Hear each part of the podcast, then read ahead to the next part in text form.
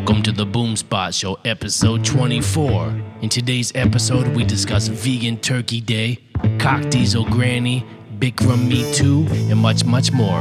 Thanks for subscribing. Enjoy the show. Hey, everybody, what's up? Welcome to the Boomspot Show. This is your host, Dor. And I'm your co-host Tommy. What's going on, Tommy? You all ready for the upcoming holiday, Turkey Day? Gobble doodle doo. What do you get into for the holiday since you're a vegetarian? What do you eat? A whole I get into a whole lot of sweet potatoes. I get into a whole lot of mm-hmm. mashed potatoes. I get into a whole lot of pumpkin pie. Nice, nice. I get into a whole lot of cranberry sauce and stuffing and gravy. You got it made, man. I'm doing a, a two week or longer vegan challenge right now, so I can't do any of that kind of gravy or any of that mashed potatoes, nothing with dairy. Well, you can. You just got to do the vegan version of them. That's what I do. Yeah, And you just you skip the tryptophan. Yeah, you don't get that crash. No turkey for you. There's this place around here that's supposed to be really sweet as far as vegan stuff. It's the Butcher's Son or something like that in Berkeley or Oakland. And we ordered a vegan turkey pot pie. I don't know how that's going to work out, but it's supposed to be good. That, and they have Sounds delicious. Yeah, and they have like some kind of vegan sausage stuffing. I don't know what the hell that's going to be all about, but we'll see. You're gonna get your sausage stuffed. Anyways, exactly. Trader Joe's sells like a uh, stuffed tofurkey, and it's about like thirteen or fourteen dollars. It's it's good for not being the real thing, mm-hmm. but I don't know. I don't. I'm not a big fan of fake turkey. Yeah, I didn't want to go that route. Um, so I got sausage stuffing and chicken pot pie, and it's like I said, it's all vegan, not cheap. The uh, pot pie, twenty bucks. The sausage stuffing is twenty five bucks. Wow. But it's, it's supposed to be super super tasty. So I'll let you know.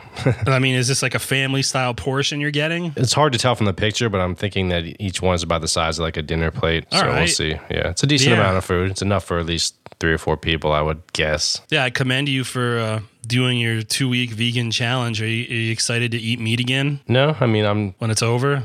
no, I'm not really thinking about eating meat. Really, it's surprisingly easy. You know, I'm just stuffing up. Every time I make a meal, there's so much food. I'm like, holy crap, this is a ton of food. And then I, I do the calculations on the calories, and it's like less than 500 calories. So It's insane if you're eating clean and you're eating the Yeah. right way as a, Yep. a vegan or a vegetarian, how much food you could consume. That's what I tell people because some people are just calorically obsessed. They need that number, they need that fixed. It's hard to count calories. I give you a lot of credit for being able to do it, but I, I tell people that aren't vegan or vegetarian, or at least really healthy ones, that if you become one, you don't have to count calories anymore because really just, you know, if you're eating clean, you could eat as much as you want. yeah, You really the- can. Yeah, the biggest thing that I run into is like I'll eat the the regular meal or whatever. It's a lot of food, and then afterwards I'll have peanut butter, which adds on tons of calories. So I guess I gotta watch that. So But you know, but my point, my my counterpoint to you, and I guess to anybody else who likes to argue the whole, oh, you need meat, you need that animal protein, which you don't need, which causes cancer, which causes heart disease, which causes diabetes. Anyways, it's a whole nother discussion. But um, you know, people are like, oh, what am I going to eat? You know, and I'm like, I'm glad that you know there's more awareness coming out like because i'm like well what does a gorilla eat a 750 pound gorilla eats bananas and it's all muscle right, right. what, what does that cow eat that you're eating in the form of a cheeseburger that cow eats grass i don't even know how much a cow weighs but it's all muscle At least out here in the Bay Area, it's- so easy to eat vegan. You could even eat vegan accidentally. Like we've gone to the local stores and bought cupcakes or whatever, some kind of bakery item, only to get it home and determine it was vegan. And at the time, Was like, yeah, you're not expecting it. you're in the minority when it comes to having um, ubiquitous options. You're lucky for that, but I think that's the struggle for a lot of people. Like we're from a small town in Northeast Pennsylvania, in Scranton, Wilkes-Barre area, and I was just back there last summer. And the definition of eating vegan or vegetarian there is like you're not eating meat. Salad. Yeah, because Yeah. there's nothing. They don't have those kind of options, or they do, but they're very limited, or they do, but they're not that great, or they do, and since they are very limited, they charge an upcharge to go to a vegan or a vegetarian vegetarian focused mm-hmm. restaurant. They have like one or two things that's vegan or vegetarian. But there's a couple of places, you know, I think as a whole, now with this whole like fast food adopting these impossible angles Impossible, on yep. yeah. So I don't know. I'm I'm I'm excited about it, but you still have that stigma where like people that are transitioning and eating healthier are like, oh, I can't eat that whole avocado. It's, I don't want to get fat. I'm like, well, show me one person that got fat eating nothing but avocados. I don't I don't think avocados make you fat. You know, Yeah, that's a good point. um, I think potato chips make you fat. yeah, I always worry about that, but it's I guess it's healthy, so we'll see. I still count my calories with it just to make sure, but that's just me being OCD. like I said, I think that's awesome. The reason I say you don't have to is because it's hard for a lot of people to do it. But like if you're eating the right foods, look at me. I'm eating all this food thinking it's going to be an, an enormous amount of calories and it's 500, which like Yeah, people don't like know what huge- five. Yeah. It, it's like a man-sized plate for sure. Yeah. No, you're doing it right. Like I saw that picture. You had like quinoa and leafy greens and some, I think avocado cut up or something like that. And yeah, sweet potatoes. sweet potatoes. See, that's what I would do, something like that, and I'll just get some like hummus and throw it in there. And Yeah, just I've been throwing in like a single a falafel and then some spicy hummus, and it's all good. There you go, falafel will fill you up too. Yep. All right. Cool, man. We'll we'll see how it goes for the holiday. Yeah, so I feel like you're not going to eat meat anymore, is my prediction. Now that you realize you really don't need it, Well, I mean, I wasn't really eating a ton of meat each meal. Well, I guess I was. It depends how. You, that was your main source of protein. yeah, it depends. I mean, I, I would eat basically one third of my meal would probably be chicken breast twice a day. So yeah, And eggs for breakfast. kind of skip breakfast. I just have coffee for the most part, and then lunch would be like a salad with chicken breasts, and the same thing for dinner. I'm very boring. Yeah, it's the way to lose weight and be healthy, eat clean, Yeah, yeah, lean yeah. out. So now that you're doing out with the meat, and you say you have a ton of energy, I think that's pretty cool. Yeah, yeah, super. I've been skipping my afternoon nap, like an old man usually takes a nap. You know. Well, yeah, and I was telling you via text, but obviously that text doesn't isn't privy to this podcast. So I'll say it again. Um, yeah, like when you're eating a lot of meat, all the blood that has to go to your intestines and all the cellular energy that's required to digest that food, it does require a lot of energy. And and um, now that your body doesn't have to work that hard, and you're using your herbivore designed intestines to do what they're made to do to maximize nutrient absorption and easily digest all that plant-based food that you're consuming like yeah i'm not i'm not surprised you have all this energy but i just love hearing you say that So you're saying that the intestines or your digestive system doesn't have to work as hard for a ton of vegetables to digest? no not at all i bet your craps don't smell as bad meat eaters dumps are disgustingly rancid in smell and odor and they're just their farts are terrible like I'm like that South Park episode where they're, they're driving the Prius and sniff their farts all day. It smells so good.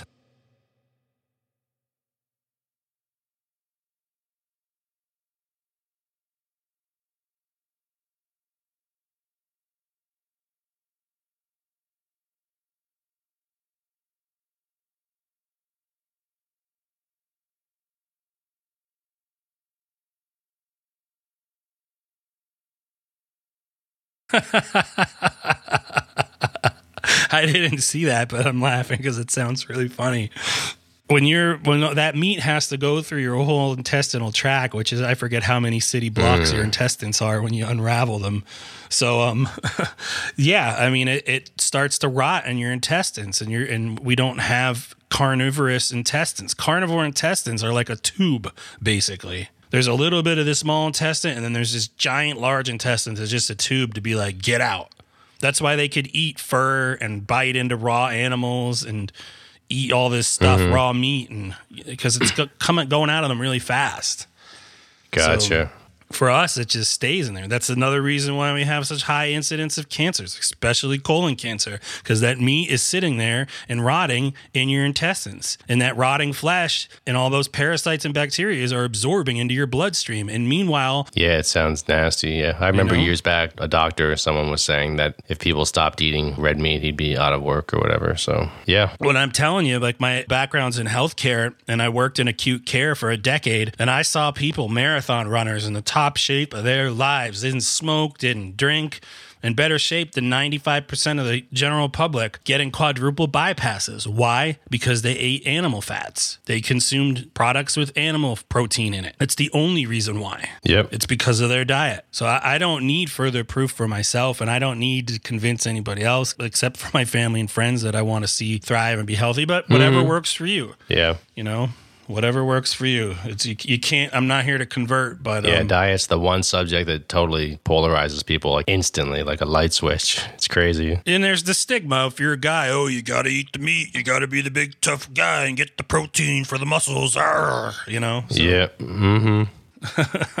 Speaking of, just a real quick plug, because I know we're going to talk about streaming soon, is um, The Game Changers, the documentary on Netflix that I told you about, that somebody told me about. It's a documentary that covers professional athletes in all different sports Olympic athletes, MMA athletes, football players, you name it. And it, and it covers ones that are vegans or vegetarians, ones that have been longtime vegans or vegetarians, ones that recently transitioned. And it gives all this supportive medical evidence and science. that shows their blood plasma. It's clear when they're eating healthy and clean vegetarian diet. It's cloudy when they're eating chicken. It's crazy, but it, it's a super incredible documentary that I recommend to the listeners out there. The Game Changers. It's on Netflix. Do you want to add anything about that, Dorian? Because I know you just watched it. Yeah, I thought it was outstanding, and it, at the right time, it was like halfway through my two-week experiment, so it was really good and informative. Lots of information. It kind of motivated me to stick with it. Not that I was weaning from the program. Yeah, highly recommend it.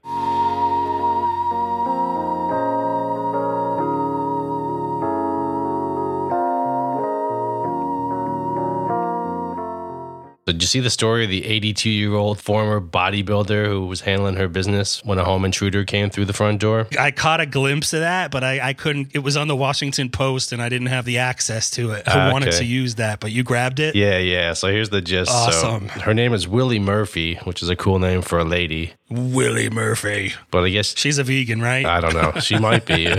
She- but she's an award winning bodybuilder and she fought off a man who broke into her home in Rochester, New York. Apparently, she was getting to bed. The guy came to the front door pounding. It was around 11 o'clock at night and he said that he wanted her to call an ambulance, running a scam to get inside. So he made his way inside and this lady just took over. 82 years old. Check out this interview.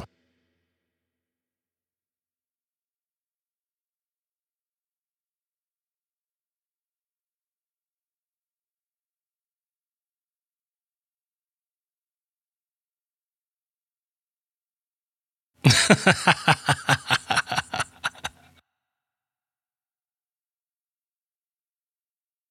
ha ha ha ha!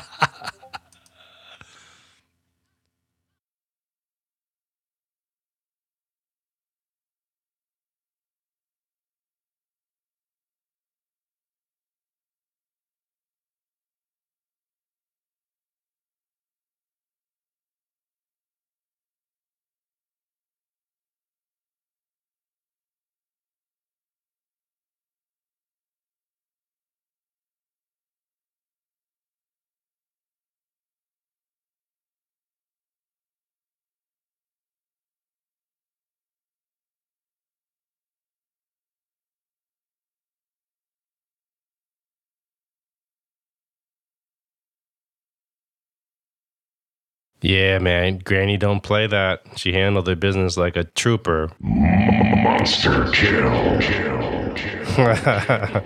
That's awesome. yeah, I wouldn't mess with her. Shit. Yeah, that's amazing. She, she's got some moxie. Yeah, this guy w- couldn't even get out of there on his own two legs. Looking at her, I would say she's around a buck twenty at most. You know, so that's that's insane. Well, they say you know use it or lose it. So I'm, it's good that she's sticking with the weights because she just proves it doesn't matter how old you are if you keep at it, right? yeah, she's flexing in the video. She has some definition. So good on Granny.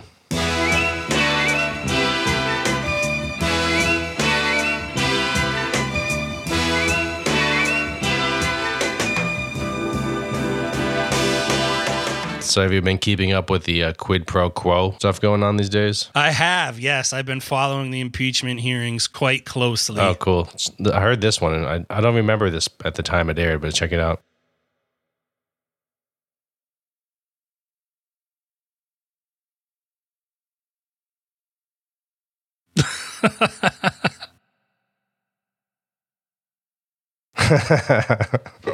Oh my God, I know where that's from. That's from The Silence of the Lambs. Yeah, yeah, totally. Good pull. I'm surprised no one's done like a mashup between Trump and, and Hopkins. That'd be funny. Yeah. Where did you find that? I grabbed it from the movie. Well, while we're talking politics and while we're while we're talking creepy politics, did you hear about that uh, energy secretary Rick Perry? He was one of Trump's underlings. What he was saying about Trump on Fox News. You mean Rick Perry, the guy who got the job and didn't know that he was in charge of the nukes? Yes. Thought he was in charge of the energy. Yeah. He's like a Southern pseudo Christian. Didn't he announce his resignation a while ago? He's like has a s- expiration date on his term, as far as I recall. Yeah, he supposedly he is um, something like that. I don't I don't pay attention. To the to end him. of the year, I think it is. Yeah, yeah, yeah. Right, yeah. So um he was talking about Trump on Fox News and Listen to this.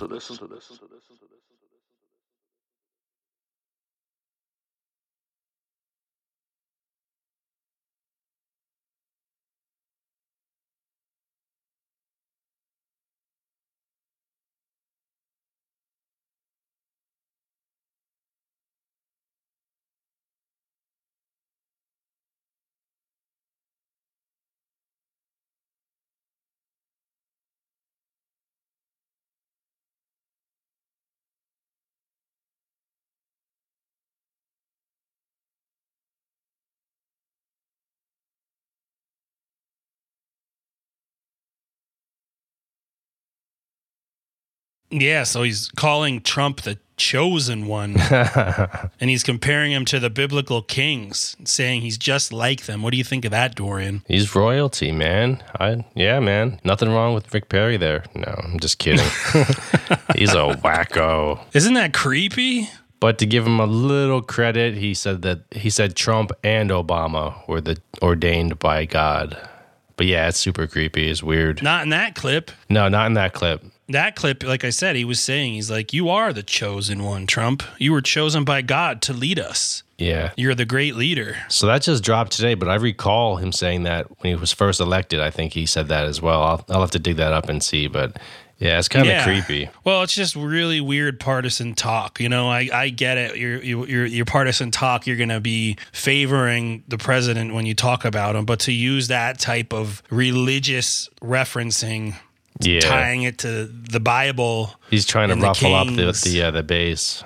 You know what I mean? Of the uh, the Bible Belt base. hmm it's scary. Yeah, yeah, it's it's scary. You know, because people who uh, sip the Fox News Kool Aid on a regular basis are thinking that yeah, like this is God's messenger that's here to save us. Yikes.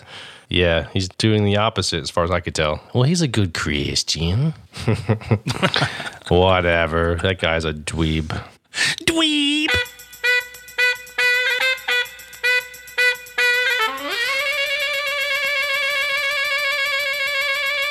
So, are you a big fan of Van Halen? I think they're a pretty cool band. They have a lot of great songs, classics.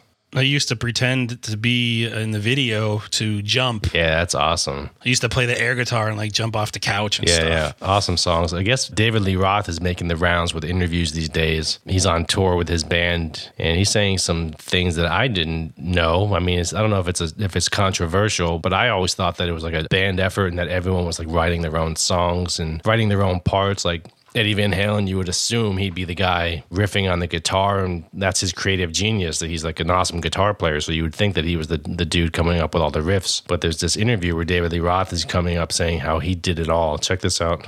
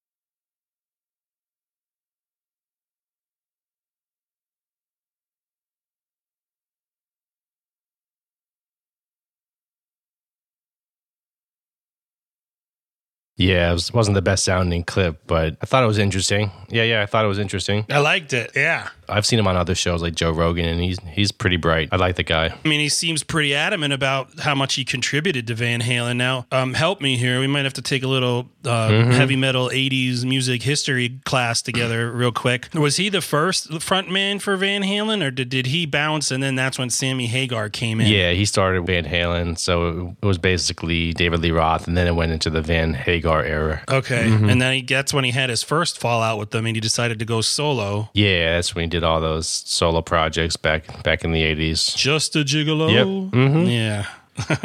So yeah, so All that's right, cool. that's yeah, yeah, yeah, cool. It's cool stuff. So I guess he's still beefing with them after all those years. I don't know if he's beefing, but it, it makes headlines, you know, to be provocative during interviews. Well, yeah, and to be like, I wrote every single note of every Van Halen song when I was with them. Like, that makes the other guys kind of look like just like some fill in musicians. Yeah, I, I don't know if it's really related. It's not really related. Well, I guess it's sort of related. But have you ever seen the videos of Eddie Van Halen back when he was like struggling with booze, uh, playing in concert? It, it's crazy to watch. Never. No. Yeah, he's on stage and he can like barely play a chord.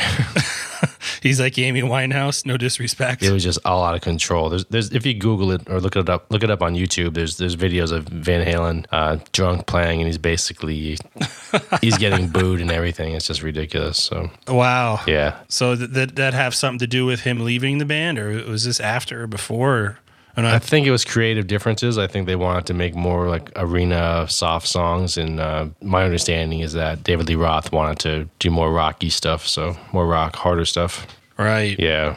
Cool. We need to talk more music history on this show. It's fun when we do this. Sammy Hagar was was decent. I mean, I guess depending on how hardcore of a Van Halen fan you are, you might be on opposite sides of that argument. Some people either want David Lee Roth or Hagar, and they can't stand either or. You know, there's no happy middle ground. So it's a hard line divided between both of those guys. I think they both have great songs, though. Are you Team Hagar or Team Roth? Mm, I'd say if I had to choose one, it would be David Lee Roth. Yeah. That's two for David Lee Roth. I would too, because those Van Halen songs are more nostalgic to me. The only one I really remember with Sammy Hagar is that right now. Remember that one? Yeah, that one's in my head right now. Yeah, yeah, yeah. no pun intended. Right, right. So um, that's the only one, I, and I love that song. It's a great song. yeah, the Red Rocker has some great songs for sure. The Red Rocker. What's that? Yeah, it's Sammy Hagar's nickname. Oh, okay. I read his Gotcha. book oh, years ago. Yeah, it's good read.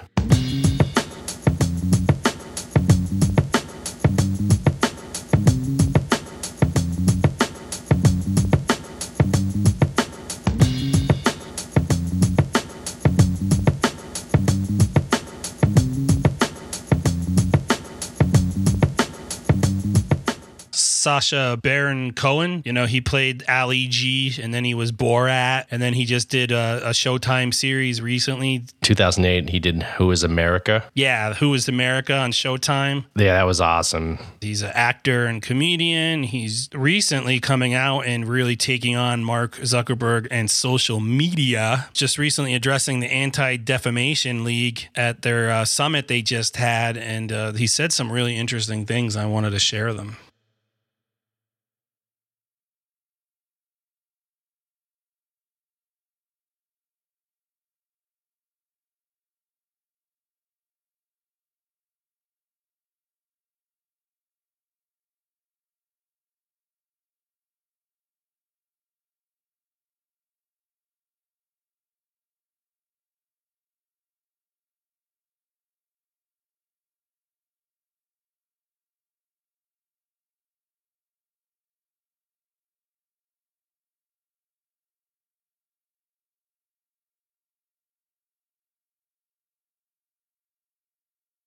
Yeah, I have some more stuff from him, but one of the things that he was saying, I guess because he was like the uh, speaker at this summit, he said that if Facebook had existed in the 1930s, it would have allowed Hitler a platform for his anti Semitic beliefs, which is, Yeah, I see the quote. And so they would have let Hitler buy ads. yeah, exactly. This is something that he said about Zuckerberg.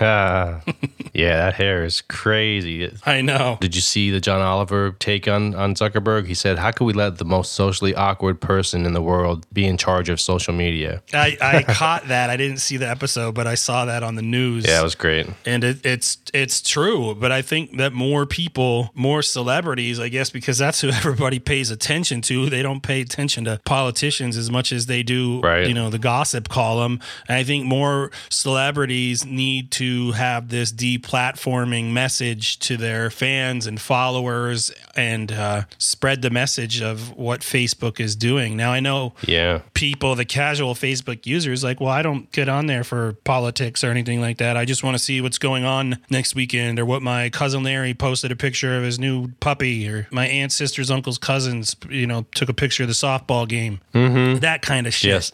Some people get on there and they just spill everything, and it's kind of ridiculous. I recently signed back up to Facebook just to do some stuff for the podcast and to start a page for that, and just do you know some small promotions and things like that. And probably have a hundred friends added. I had about 400 before I canceled it the first time, and people are just on there posting every single nuance of their vacations, their trips. I mean, like blogging in real time, just typing every single thought in their mind. It's insane. And how, how enjoyable is your vacation if you're thinking the whole time you're on it, I got to put this on Facebook. Exactly. Yeah. I got to share this so I could get likes. Yeah, I, I refuse to install it on my phone, and I only log in using Firefox, where they have a, a container that blocks Facebook from tracking you and following you around the internet. So we'll see how that goes. I minimize my footprint as I, as much as possible with Facebook. You, you know, but like you do, and you're very tech savvy and in, in the loop of how they're exploiting you and taking your information. But like a lot of people, mm-hmm. the majority of people, they're just on there to keep tabs on their family. You're put up against all these things that people share on their timeline. And yeah, you could go in there and manually block them, but it's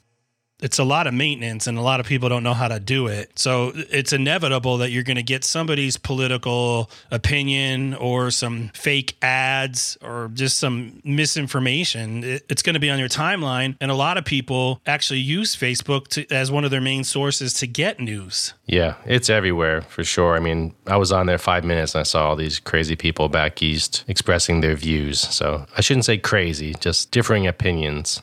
it's so polarizing. But I think that's where, okay, if there's some politicians like Elizabeth Warren is the one that really comes to mind. She's the one that really is speaking out against Facebook and Zuckerberg. But, um, you know, just recently it came out some information that Zuckerberg and a huge donor to Trump and Trump had like a private dinner. so you're saying that Zuckerberg and a donor to which cause had dinner? Okay, so I'll start over. So Zuckerberg, mm-hmm. Trump, and a and a huge donor to the Republican Party, aka Trump, recently got Yep. together to have like a closed door private dinner meeting.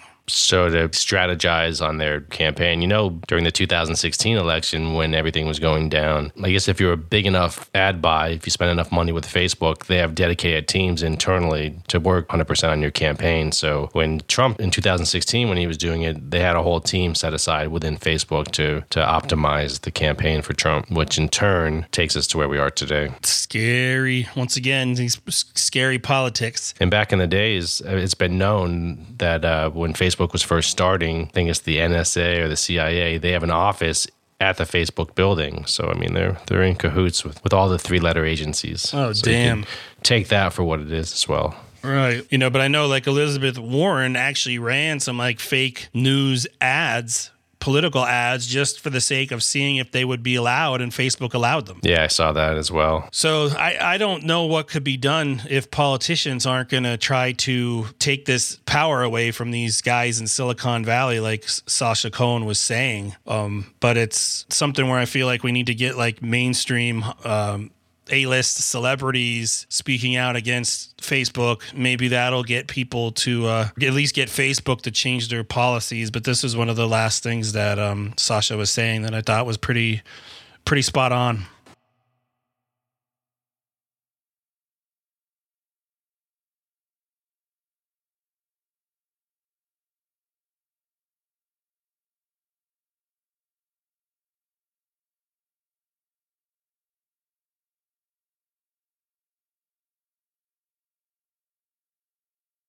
That's never going to happen. I mean, they already said they w- they wouldn't do that, and even if they agreed, you know how much legwork that would take, and how many people they would need to assign to make sure that every single thing was fact checked. They're getting so many ads every day. Well, then It's maybe gotta be hundreds of thousands. And exactly, and so then maybe they shouldn't take political ads.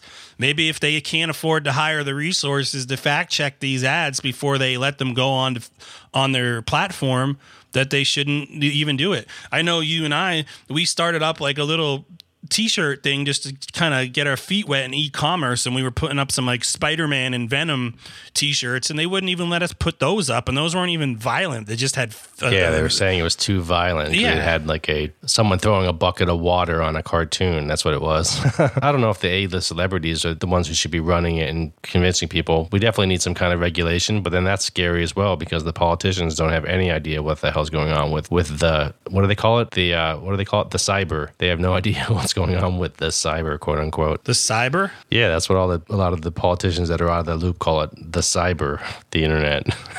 they do that's such a weird thing to say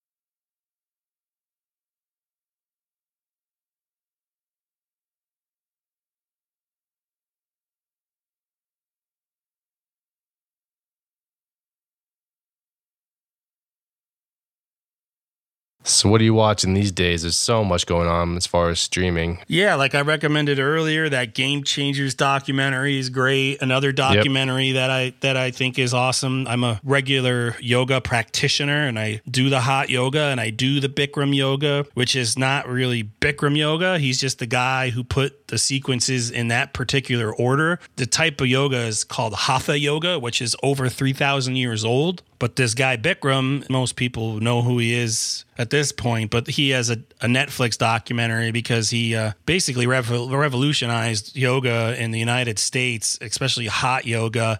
And uh, with the whole Me Too movement, you know, uh, abundantly pulsating in our uh, pop culture, his name has resurfaced because he has a bunch of allegations out for raping women and they've come out. So it's kind of tarnished his brand of yoga. And uh, there's a, doc- a documentary on it on Netflix right now. So I recommend that one. It's very good. It's just called Bikram, right? I believe so. I'm going to actually. F- It's not a positive endorsement of, of the the guy, is it? I don't think so.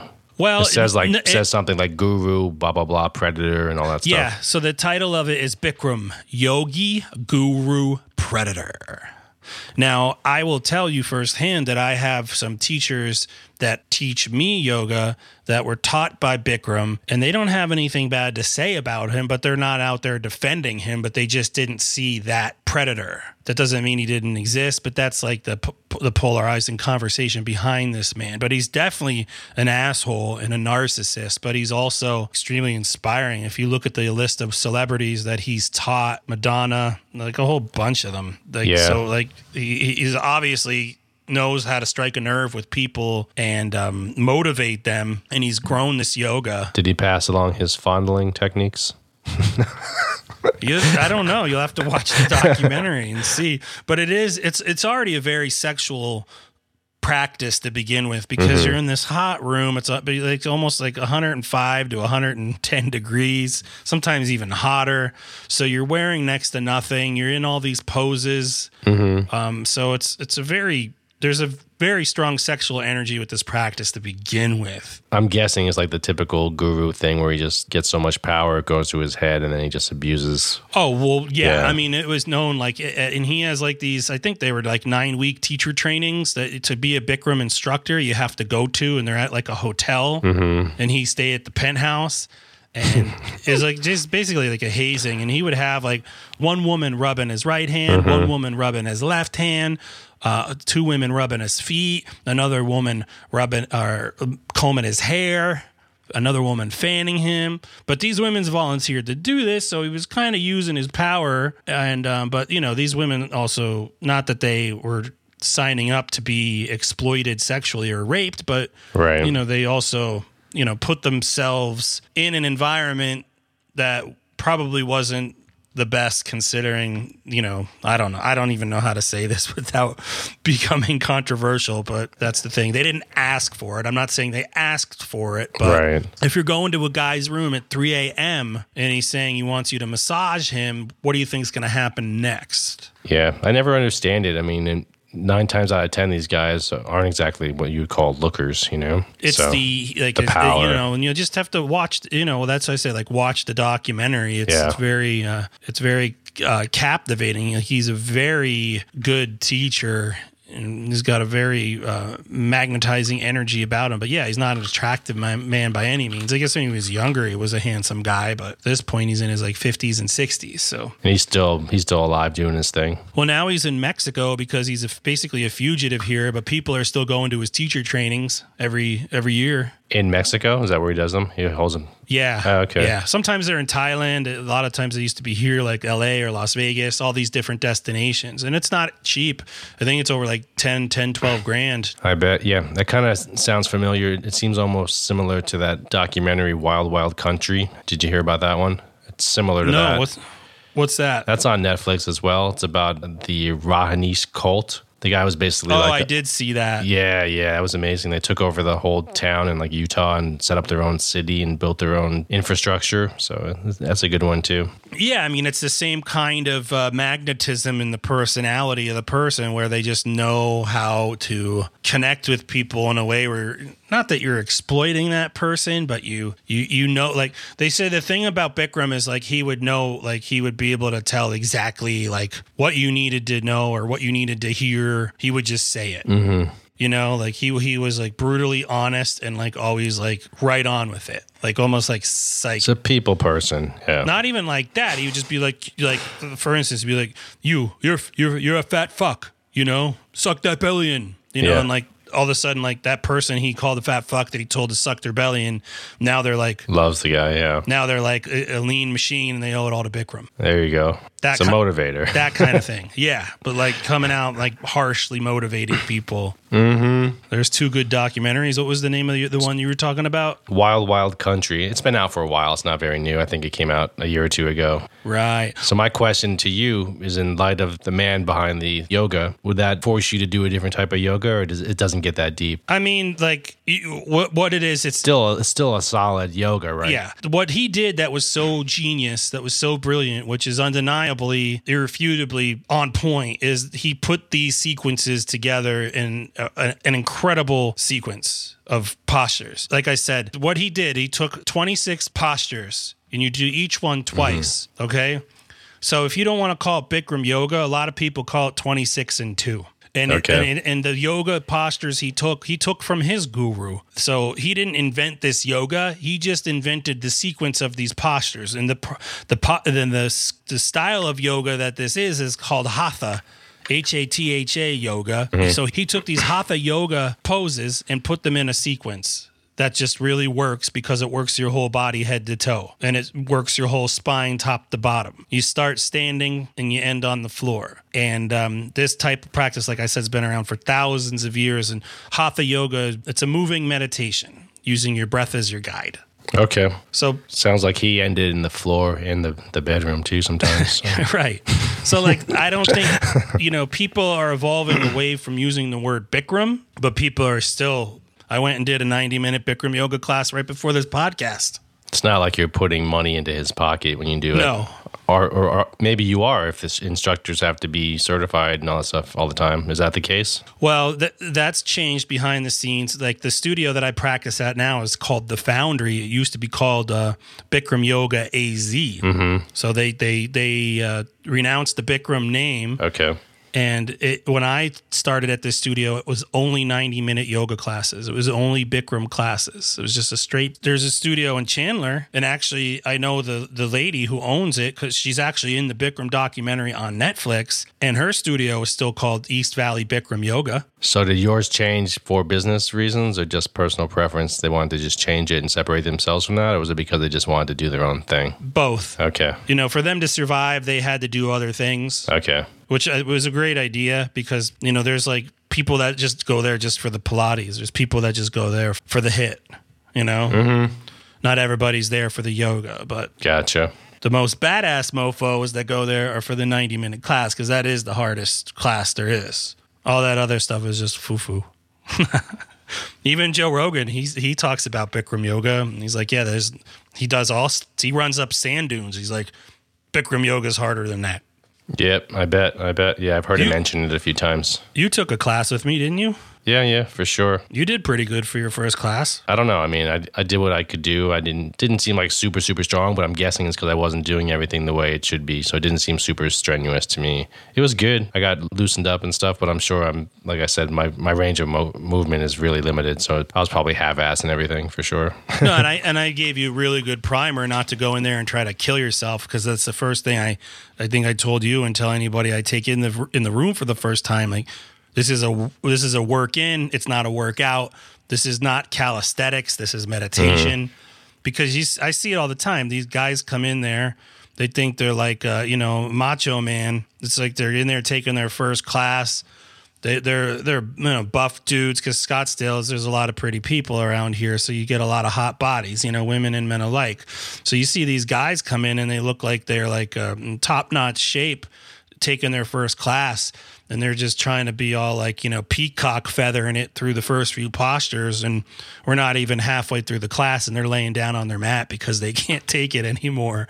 So it's like you you have to learn how to pace yourself and and how to breathe and use your breath. It's not, I mean, you're not there to be like you know Strong guy, yeah. yeah how much guy. you bench. You know, it's not that.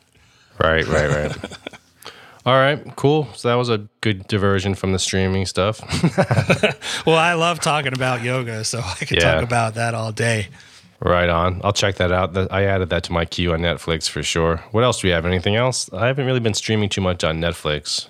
I will tell people if you haven't seen Once Upon a Time in Hollywood that it's an awesome, fantastic, superb, incredible movie, very entertaining. So, um, Yeah, I- that's a great one. That's available on like Apple TV and I think all the premier streaming services. But if you haven't seen it, when you get a chance to see it, it's as good as the hype behind it. I know it was in the theaters Yeah, yeah. a couple months back, but Tarantino movie, Brad Pitt, Leonardo DiCaprio. Margot Robbie's in there. Yeah, the blonde girl. The one thing I was surprised by is I didn't hear a single N word in the whole movie, and that's not Tarantino's style. So kind of disappointed. I wanted some. No, I'm just kidding. I know, I know. Finally, it wasn't like foul language and racist, derogative terms and unnecessarily brutality in the movie. It was actually a movie. Mm, the dog scene know? is all I'm going to say was pretty brutal, but yeah, that, that was adequate. But at least, yeah, there.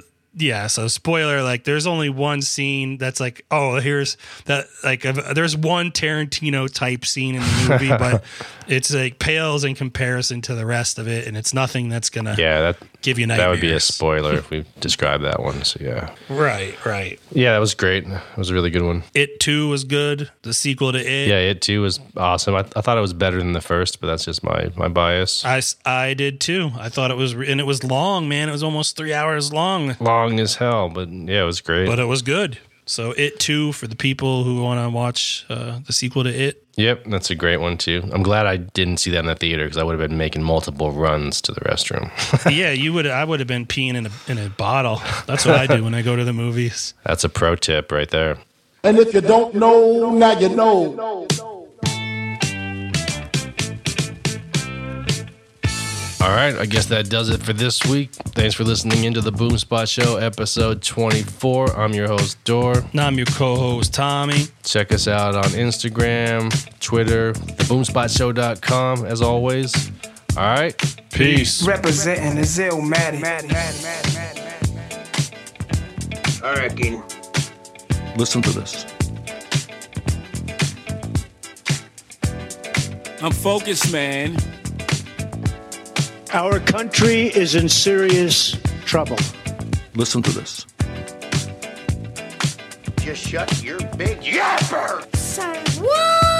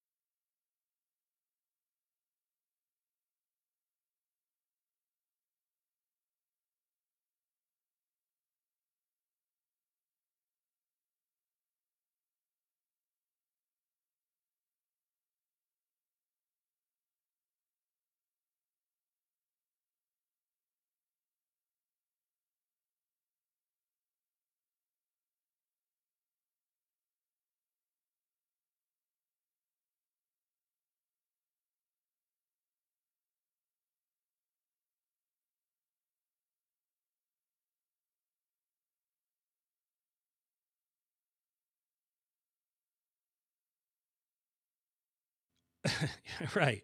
So like I don't think you know people are evolving away from using the word Bikram, but people are still you know like I, I even our sister Allison she knows all this stuff about Bikram and it's not going to affect the fact that she loves this yoga. Same thing with me. I went and did a 90 minute Bikram yoga class right before this podcast. No,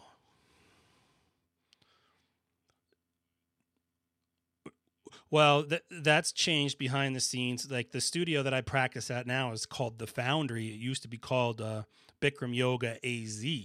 So they they they uh, renounced the Bikram name, and it, when I started at this studio, it was only ninety minute yoga classes. It was only Bikram classes. It was just a straight Bikram studio, and they changed the name and they changed the structure of the classes. So now there's like 60 minute yoga classes.